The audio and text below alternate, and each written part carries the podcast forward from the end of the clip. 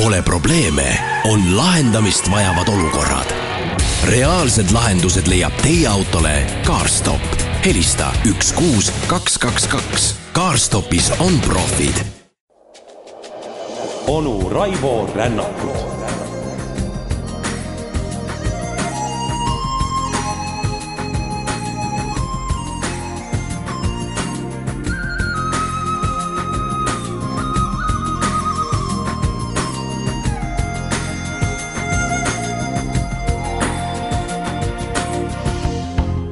tere hommikust ja kaunist pühapäeva, head sõbrad!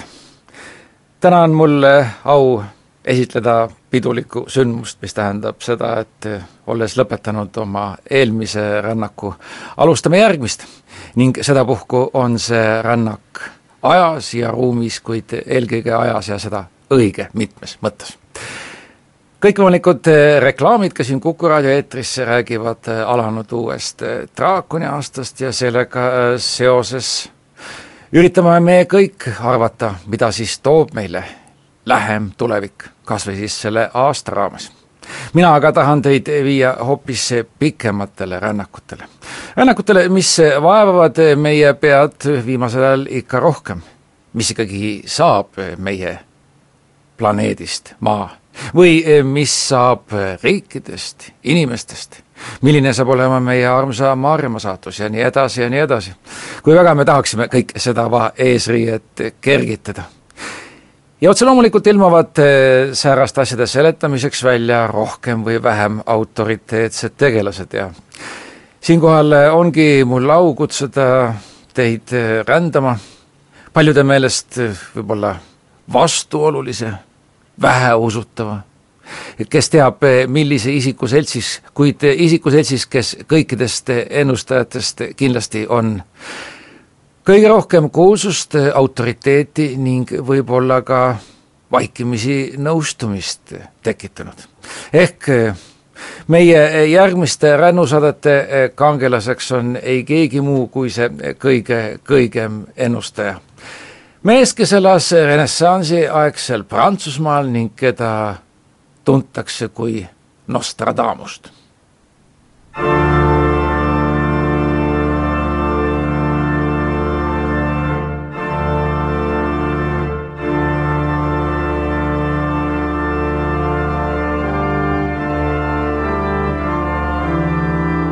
Nende orelihelide saatel me lähemegi siis kaugesse renessansi aega ja luban kõikidel teil ning ka endal nõustuda või kahelda nende kõikvõimalike ennustustega, kuid kindlasti imetleda seda süsteemsust ja omamoodi ka põhjalikkust, kuidas antud mees oma ennustustele läheneb.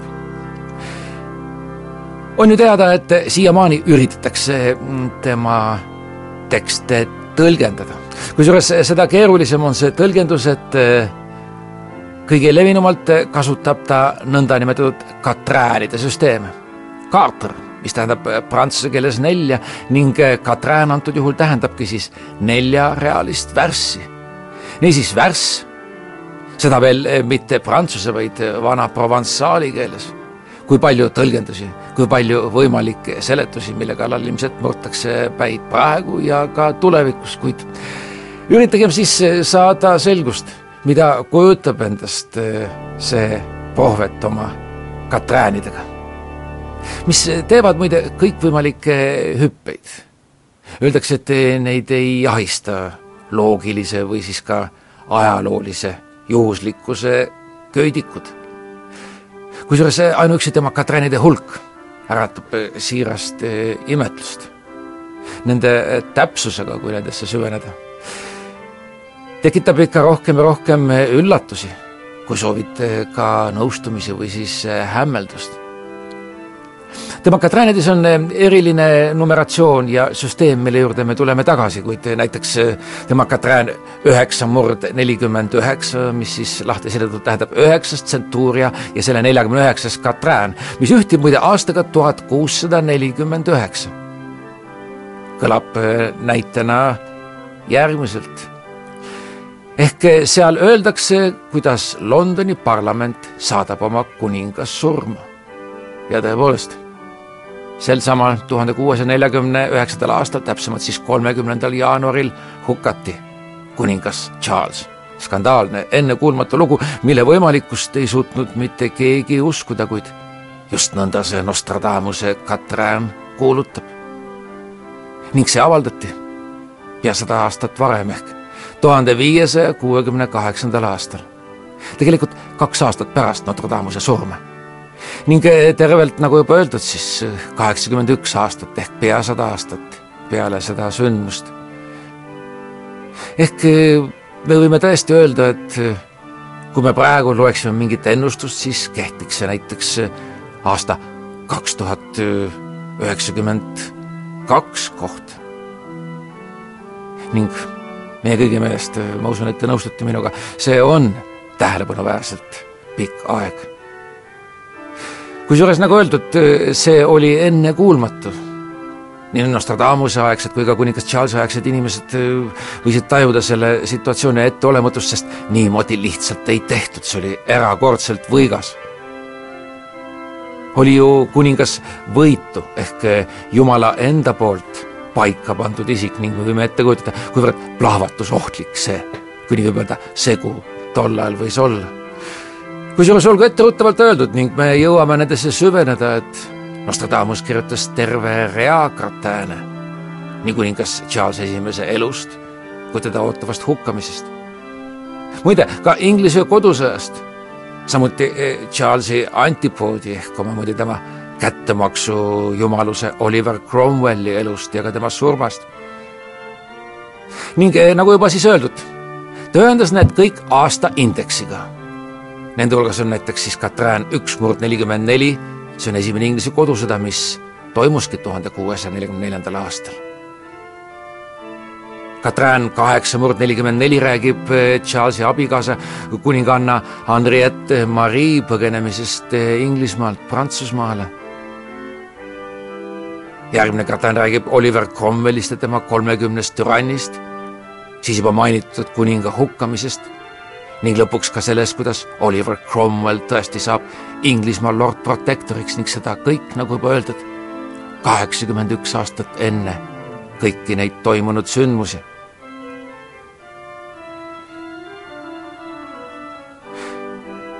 kui rääkida sellest sündmusest justkui sissejuhatuse ja näitena, siis äh, kõlab see äh, Katrin eesti keelde tõlgituna järgmiselt.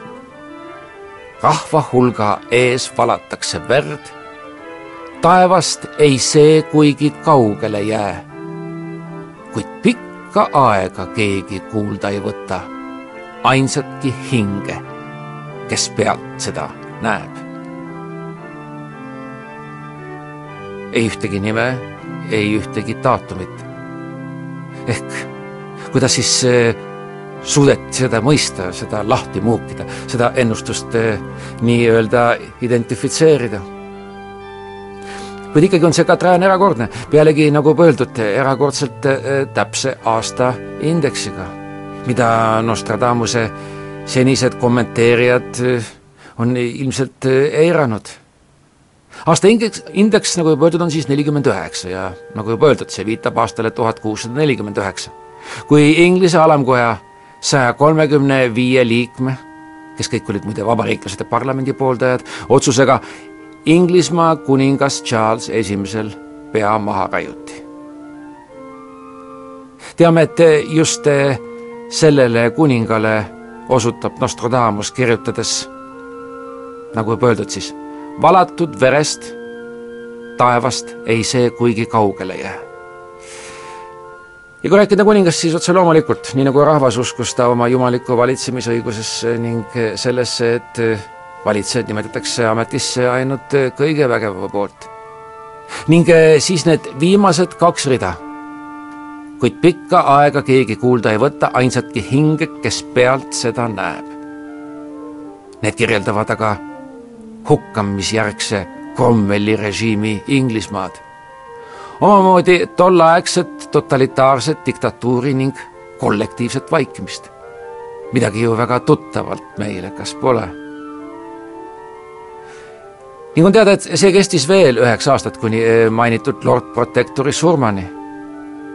ning kuulduste järgi olevat rahva hulgast kerkinud üleüldine oie, kui anonüümse timuka kirves kuninga kaela läbistas. ning veel on räägitud, et paljud inimesed olevat rahvasummast ligi trüginud, et kasta oma rätt kuninglikku verre. ei tea, kas selleks, et see kaitseks neid kuninga kurjuse eest või siis lähtudes mõttest, kuningas puudutab sind, jumal teeb su terveks. ja tõesti, tõesti restauratsiooni ajal, kui troonile asub Charlesi poeg Charles Teine, pudutaski Charles Teine just sel eesmärgil ühe aastaga. üheksakümmend kaht tuhat sada seitset inimest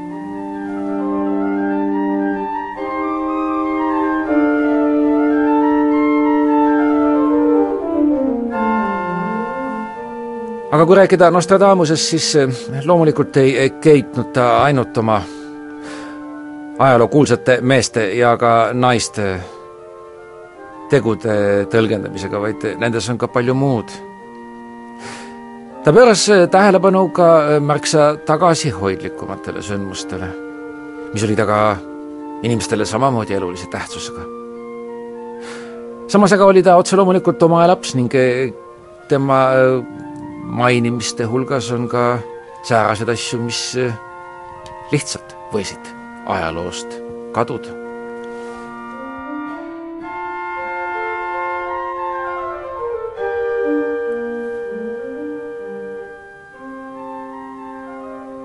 kuid ikkagi eh, need prohveti aasta indeksid, millest ta esitas tervet üheksasada nelikümmend kaks meieni säilinud Katrääni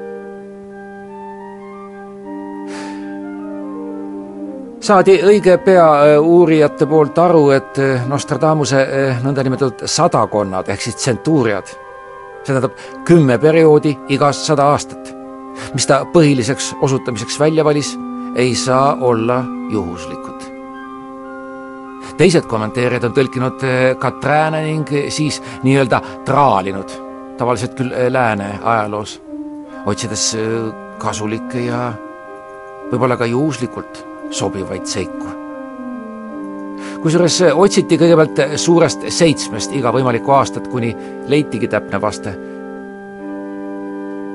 nii näiteks, kui mainiti seitset võimalikku aastat, siis tavaliselt võttes aluseks aastaõiguseks kaheksakümmend, üritati siis sobitada seda sündmusega, kas siis tuhat nelisada kaheksakümmend, tuhat viissada kaheksakümmend, kuussada ja nii edasi, nii edasi, kuni siis kahe tuhande kaheksakümnenda aastani välja ning siis tavaliselt see vaste ka leiti.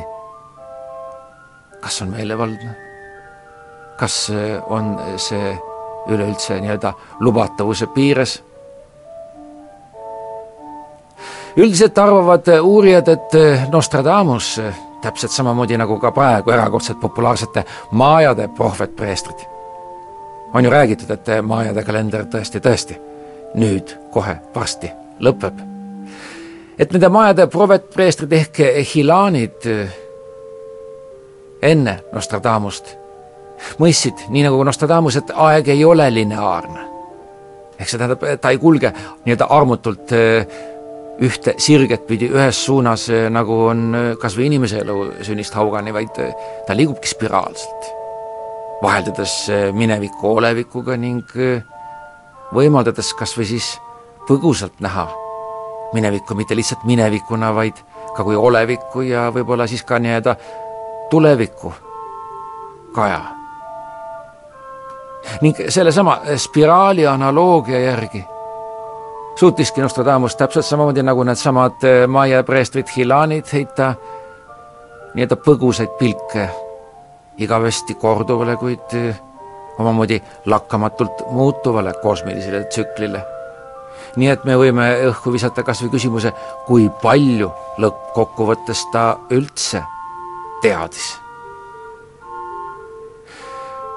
kuid seda avastama ma teid endaga kutsungi ja otse loomulikult, enne kui me asume nende paljude meelest võib-olla õlakehitusi tekitavate, teiste meelest aga noogutusi esile kutsuvate ennustuste juurde, peaksime minema renessansi aegsele Prantsusmaale ja vaatama, kes oli siis see mees, keda hüüti Nostradamuseks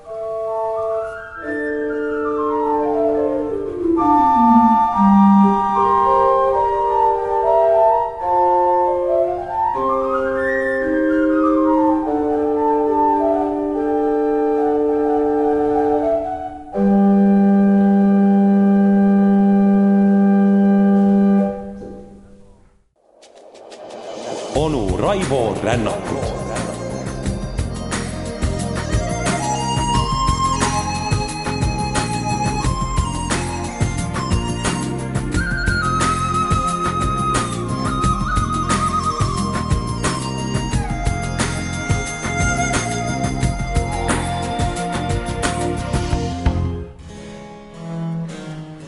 niisiis, tere tulemast äh, renessansi aegsele Prantsusmaale, kus eh, elas mees nimega Michel de Notre Dame.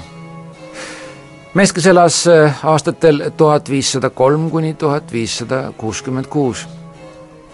võib-olla paljud reisikaaslased mäletavad eh, siis, kui rääkisime legendaarsest kardinal de Richelieu'st, kui palju vaeva nägi too suur mees Prantsusmaa ühendamisega ning mida ta lõpuni ei suutnudki viia siis otse loomulikult seda killustatum äh, oli tolleaegne Prantsusmaa, kus äh, Profondis, see tähendab siis äh, nii kultuuriliselt kui ka geograafiliselt Pariisis kaugel asuvas piirkonnas oli sootuks teistsugune elu, kus oli kõikvõimalikke usulisi sekte, kõikvõimalikke hõimusid, kogukonda ning kuhu vaevu ulatus keskvalitsuse võim.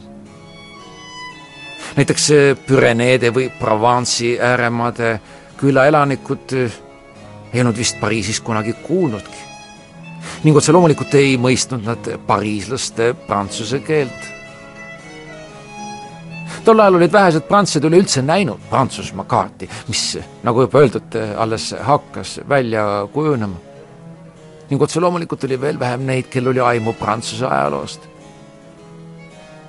arvati, et eh, tol ajal umbes üheksakümmend kaheksa protsenti elanikkonnast eh, olid eh, katoliiklased. kuid usukommetes oli isegi selle suure usundi raames tähelepanuväärseid erinevusi. nõnda juhtuski, et kohalikud preestrid lausa võistlesid oma koguduste südamete ja hingede pärast, et ikkagi panna ennast maksma kõrvuti kõikvõimalike šarlatanide, nõidade, ravitsejate, petiste ja õhumüüjatega. kindlasti nii mõnigi meist noogutab nüüd kaasa, tituleerides ka Nostradamuse samasuguseks. ning eh, kui minna ajaloos edasi, siis eh, isegi kuni eh, suure Prantsuse revolutsioonini tähendati sõnaga Prantsusmaa ainult väga kitsukest ala Pariisi ümbruses säärane oli siis eh, nii-öelda eh, geograafiline mõiste Prantsusmaast Nostradamuse ajal, kelle puhul tuleb eh, meeles pidada veel ühte asja, et proventsaalane, nagu ta oli, mis tähendab, et ta avaldas just nimelt provensaali murret ehk nagu tol ajal öeldi, keelt, tuleb täheldada veel ühte asjaolu. ühelt poolt oli ta pühendunud katoliiklane, aga rahvuselt juut. ehk otse loomulikult mees, keda ähvardas tolle aja Euroopas tagakiusamine. on teada, et siis, kui valitses kuningas Rene ehk nagu teda tituleeriti ka hea kuningas Rene, lubati Provence'i juutidel takistamatult oma usukombeid täita, erinevalt Hispaaniast. kuid sellesama Rene surmaga tuhande neljasaja kaheksakümnendal aastal see lõpeb ning see langeb täpselt kokku muide Hispaania inkvisitsiooni algusega. tuhande viiesaja kolmandaks aastaks, siis kui Nostradamus sündis, oli eh, suurem osa eh, tuntud juute tänu nii Charles kaheksanda kui ka Louis kaheteistkümnenda ediktidele ettenägelikult katoliku usu mõne pragmaatilisemat laadi vooluga liitunud eks see on eh, juudi diasporaadele olnud küllaltki tüüpiline, ühelt poolt võib seda tõlgendada ka emotsionaalse intelligentsusega, kui soovite, ehk sulanduda ja muganduda valitsevate oludega. ning vaatamata sellele röövis ikkagi Prantsuse kroon aeg-ajalt nende vara, pakkudes siis rohkem või vähem hoomatavat kaitset riigis, kus nad elasid. ning kus vaatamata sellele ikkagi lahvatas aeg-ajalt nii usu sallimatuse kui ka fanatismi puhanguid. nõnda juhtuski siis, et eh, poeglapse nimega Michel de Notre Dame vanemad jätsid poisi ümber lõikamata. kusjuures see oli tohutu vägitükk. kui arvestada, et juba esimese Moosese raamatu järgi keelatakse seda teha lausa surmanuhtluse ähvardusel niisiis lapsuke ümber lõikamata ja loomulikult ristiti ta kristliku kombe kohaselt. kusjuures tema emapoolse vaarisa Jean de Saint-Remy kaudu jäi perekond ikkagi tihedalt seotud juudi kombestikuga ning olgu etteruttavalt öeldud, et eelkõige just nimelt eh, säärase nähtusega, nagu seda oli Salšeleht Hakabala ehk siis eh, kabalistikaga selle kasvatuse tulemusega, eh, mida talle anti, hakkas eh, Nostradamus eh, arvatavasti õige varases eas maagiaga oma kätt proovima.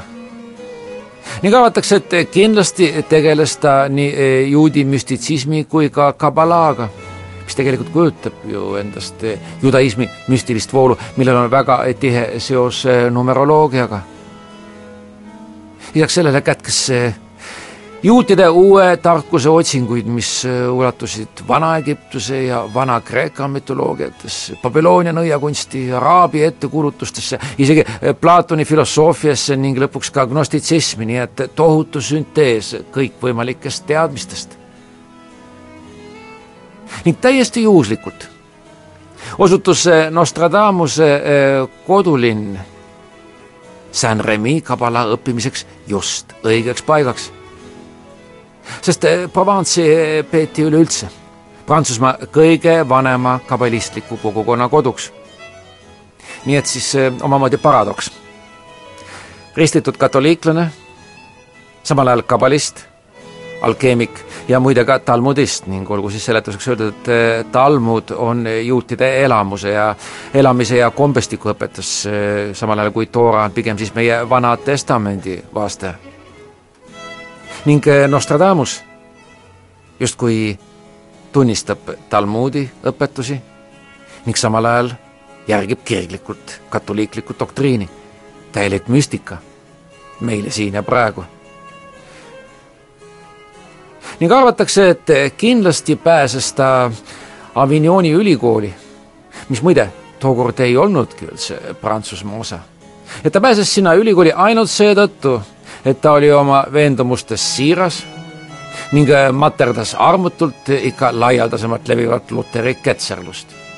kui soovite, siis võib-olla tegemist ka juudi kogukonna liikme kavaluse või soovite ka nutikusega. ning hiljem astus ta äh, samuti takistusi kohtamata auväärsesse Montpellier ülikooli, mis muide asutati juba tuhande kahesaja kahekümnendal aastal ning et tolleaegsed eh, ülikooli õpingud olid eh, piiratud hoopiski eh, kitsa arvu aladega, siis valis ta selleks meditsiini. ning ilmselt üheks põhjuseks oli see, et just Montpellieris tegutses nende aegade kõige tuntum ravitsejate koolkond. pärast Montpellier'sse immatrikuleerumist kus ta muide arvatavasti apteekrina töötamise eest tuhande viiesaja kahekümne üheksanda aasta oktoobriks lühikeseks ajaks ka välja heideti. ehkki ta samal ajal äh, võeti kõigest kahekümne päeva pärast äh, tagasi, nii et võib öelda, et noormehel tõesti vedas vaata et kolmandat korda. siis äh, pärast immatrikuleerimist ning ka hilisemaid karme järelproovimisi ei piirdunud noormees mitte ainult kirjalike eksamitega tolleaegne üliõpilaste elu oli palju karmim, kui seda on äh, praegustel. siis tuli keskaegse kombe kohaselt õppejõududega disputeerida ning äh, alles siis leiti sind olevat äh, pädeva ning oma kraadi vääriliseks kandjaks olijana. ning öeldakse, et õige pea pärast seda siirdus ta otse märatseva katkutaudi epitsentrisse, mis ei kujuta endast midagi etteolematut, sest on teada, kuidas läbi kesk- ja renessansi aja see tõbi oma puhangutega Euroopat räsis. kindlasti tasuks ära märkida ka, kuidas võis välja näha üks tolleaegne katku ravivarst. Tegemist oli ju täpselt samasuguse lihtsurelikuga, kes võis surra sellesama taudi läbi nagu iga teinegi see, kuidas oli varustatud tolleaegne arst, on meieni jõudnud ühe iirlasest arsti Neil O. Glackeni kirjeldusest, mille järgi kandsid katku tohtrid mitmesuguste värviliste pulbritega määritud pikki nahkmantleid, kätiskindaid, silmaklaasidega nahkmaske ning nina ees pikka nokka, kuhu olid topitud desinfitseerimisvahenditega immutatud käsn. vot säärane võis siis välja näha tolleaegne Nostradamus, kes siis astus sellesse mässlevasse katku epitsentrisse. muide, Nostradamus leiutas ka puhastuspulbri, mis olevat äratanud tema patsientides täiesti ebatüüpilise usalduse, nagu räägiti. seeläbi sai tast omamoodi katku autoriteet kelle talent aga pandi üpriski karmilt eh, proovile. eriti siis, kui ta eh, töötas Agenis ning eh, just sel ajal seal katk uuesti valla pääses ning viis endaga kaasa tema noore naise ja kaks last. kui pädev arst sa oled siis, kui sa oma peret päästa ei suuda, võidi talle otse loomulikult öelda asi läks kogunisti nii kaugele, et eh, peale eh, seda kaebas naise murest murtud perekond ta kohtusse ning nõudis kogunisti kaasavara tagastamist. ning kaotusest eh, vapustatud Nostradamus asus teele. Väidetavalt rändas ta paljudes Prantsusmaa, Itaalia ja Sitsiilia paikades kuid lõpuks jäi elama Salon de Provence ning seal tutvus siis juba neljakümne nelja aastane mees kellegi lesknaise Anne Ponsard Gemelliga, kellega ta abiellus üheteistkümnendal novembril tuhande viiesaja neljakümne seitsmendal aastal. on teada, et nad kolisid majja aadressil Rue Ferrero. muide, see tänav kannab praegu Rue Nostradamus nimetust aga peagi jätkas Nostradamus eh, tolleaegsete kommete kohaselt eh, ning eh, kõige tõhusamate ravimite otsimiseks taas rännakuid.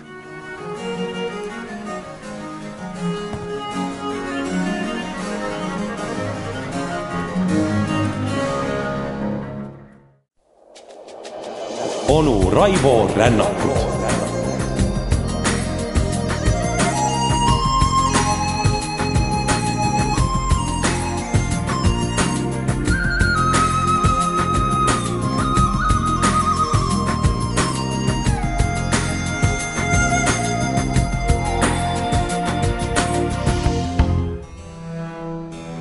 niisiis rändab Nostradamus jällegi oma ametit eh, harjutades ringi ja otse loomulikult kohtub ta oma nii-öelda kolleegidega, ehk siis apteekrite, arstide ja kõikvõimalike tarkadega ehk omamoodi elitaarse seltskonnaga, kelle hulgas kindlasti on ka just nimelt neid vaat tarku ning arvatakse, et just sel perioodil hakkab ta aimama, et temas on midagi veel rohkemat kui lihtsalt arsti. Ehk ta hakkab tajuma, et temas on prohveti ja selgeltnägija annet. nagu juba öeldud, ta ei olnud omasuguste hulgas ainus, siis oli see veelahe üpriski õhuke. nii näiteks olla ainuüksi Pariisis olnud tol ajal üle kolmekümne tuhande astroloogi, nõia, alkeemiku ja prohveti. kuid Nostradamus tõusis kogu selle hierarhia absoluutsesse tippu ning seda muide juba oma eluajal. Kolm aastat pärast seda, kui Nostradamus tuhande viiesaja viiekümne teisel aastal avaldas oma teose pealkirjaga Traite de Fardement ehk siis traktaadi igasugustest võietest, keelistest ja hoidistest, publitseeris ta ka oma veelgi kuulsama teose Centurie astrologique ehk siis astroloogilised tsentuuriad aastal tuhat viissada viiskümmend viis. Ning siis juba oma õpilase Jean M de Chavigny tunnistuse kohaselt hakkas ta kartma nii ihunuhtlust kui ka mõnitusi. ent eh, kõikide ja sealhulgas ka Nostradamuse enda üllatuseks osutusid eh, need eh, esialgu kolmsada viiskümmend kolm kirjutatud Katrääni hoopiski sensatsiooniks Nende ilmumisest ei möödunud isegi aastat, kui kuningas Henri teise äh, abikaasa Katariina di Medici kutsus Nostradamuse Pariisi ning sealt naasis ta oma kodukohta salooni rikka mehena. ning kindlasti ka eh, targemana, olles avastanud, et eh, säärane erapraksis on märksa tulusam kui palju kindlam amet või siis ka nii-öelda kuulsuste tähe vahtimine. millest siis oli tingitud säärane eh, rikkalik eh, tunnustus?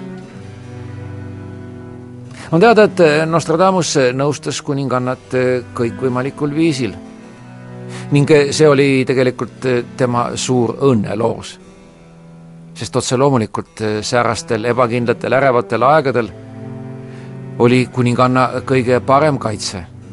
Kõikvõimalike usuvõimude eest, kes otse loomulikult võisid teda süüdistada Jumala teotuses. ning otse loomulikult tagas säärase valitsejanna soosing ka kuulsuse ja mis veelgi olulisem, püsiva sissetuleku Nostradamuse karjäär sai eh, tuule tiibadesse, nagu juba öeldud, just tänu nendele nenlarealistele katräänidele, mis kirjeldasid eh, ka sääraseid sündmusi, nagu näiteks sellesama kuninga Henri teise juhuslikku surma piigivõitluses. aga kujutage ette, mida kujutab endast ühe valitseja surma ettekuulutamine kuid need ebaloomulikult täpsed Katrääni hoopiski süvendasid Nostradamuse reputatsiooni kuninganna Katariina di Medici silmus. ning otse loomulikult, ettevaatlik nagu ta oli, säilitas Nostradamus diskreetsuse ehk suurepärane varjaja, nagu ta on eh, seda kuni tänase päevani välja oli ta seda, ka seda sündmust ennustades ning eh, arusaadavalt varjas kuninga tegelikku surmapäeva. teades, et kuninga tapmine või isegi selle kahtlustamine toob kaasa kohutavad piinad rahva hulgas silmade all.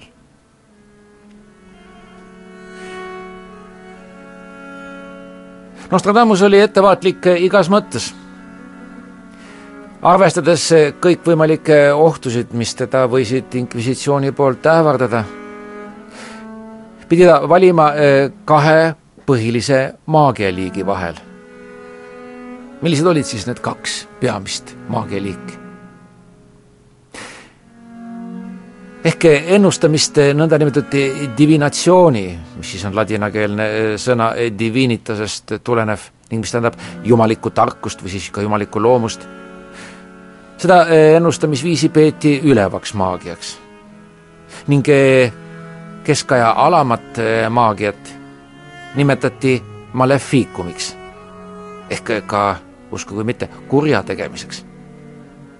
kuna ladinakeelne sõna maleficus tähendab nurjatut või isegi jumala vallatut ning sellega kaasnesid kõikvõimalikud rituaalid, nagu näiteks juuste põletamine või vahanukkude läbitorkamine või kõikvõimalikud ohvriannid ning otse loomulikult saame me aru, millise maagiaviisi Nostradamus valis. ning selle üleva maagia hulka kuulusid lisaks sellele ka astroloogia ja alkeemia. Need aga tuginesid juba kindlatele filosoofilistele alustele, millised olid rajanud juba Pythagoras, Vana-Pärsia preestrid, ka neoplatonistid.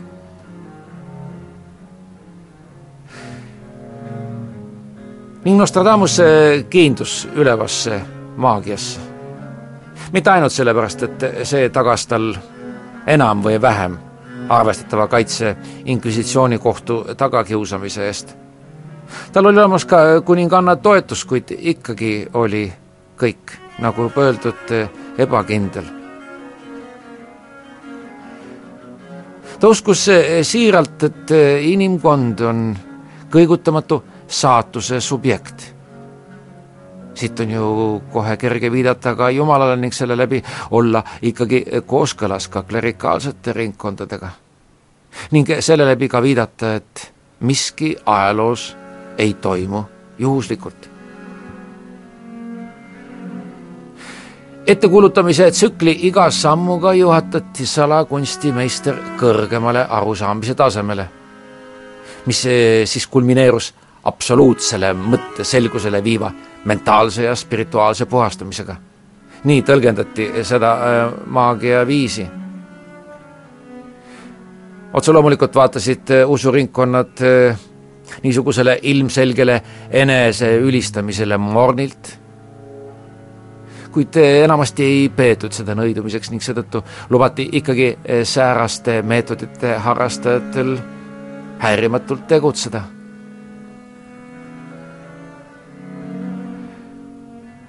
Ning mis puudutab äh, Nostradamust ennast, siis äh, vastas ta alati tülikatele küsimustele nii, et ta on kõigest teadmiste kandja, kellel on juhuslikult liisk langenud. ning otse loomulikult saab siit kohe tuletada viite, et kui soovita, siis ka jumalik liisk. Nostradamuse ülima kuulsuse hetk saabus aga tuhande viiesaja kuuekümne neljandal aastal siis kui noorukist kuningas Charles Üheksas, Katariina de Medici poeg. muide, seesama Charles Üheksas kiitiski heaks oma ema äsitusel selle kurikuulsa Pärtliöö ehk siis veresauna katoliiklaste ja hugenottide vahel. kõik kulmineerus siis, kui see Charles Üheksas jõudis oma kuningliku visiidi ajal salooni, kus Nostradamus elas Katariina kutsus äh, Michel Nostradami enda juurde. Talle korraldati vastuvõtt äh, kuninglikes apartamentides koos perekonnaga muide. ning seejärel palus kuninganna otse loomulikult konsultatsiooni. ning lisaks sellele palus ta koostada ka oma noorimale pojale ehk Anjou hertsogile horoskoopi ning nüüd eh, jõuame me sündmuse juurde, mis eh, vapustas kõiki. nimelt Nostradamust huvitas hoopiski sealsamas magav kümneaastane laps.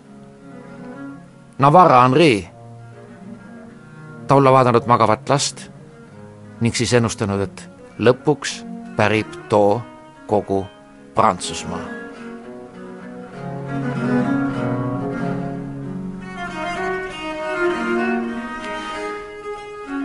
ja nagu me kõik väga hästi teame, seesama Navarra Henri ehk Henri de Bourbon saabki selleks ning eh, sellega hakkab Prantsusmaa troonil valitsema ka Bourbonide dünastia.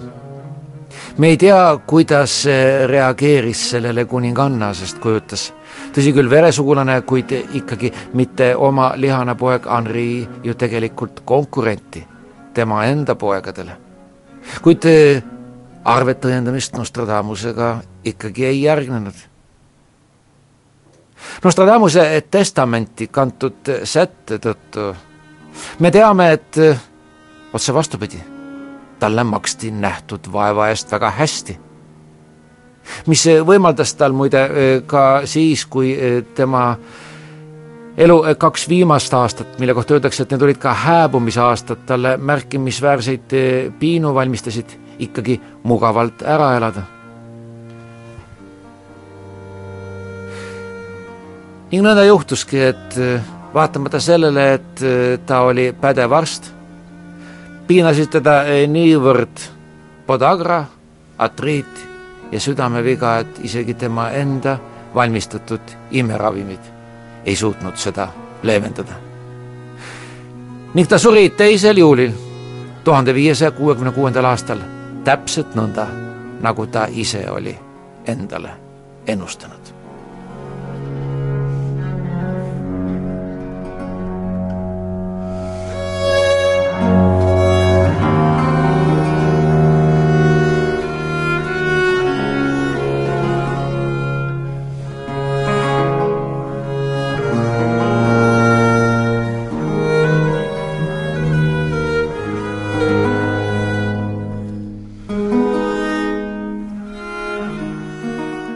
Otse loomulikult järgmisel pühapäeval läheme me juba ka tema ennustuste juurde ning siis on meil endil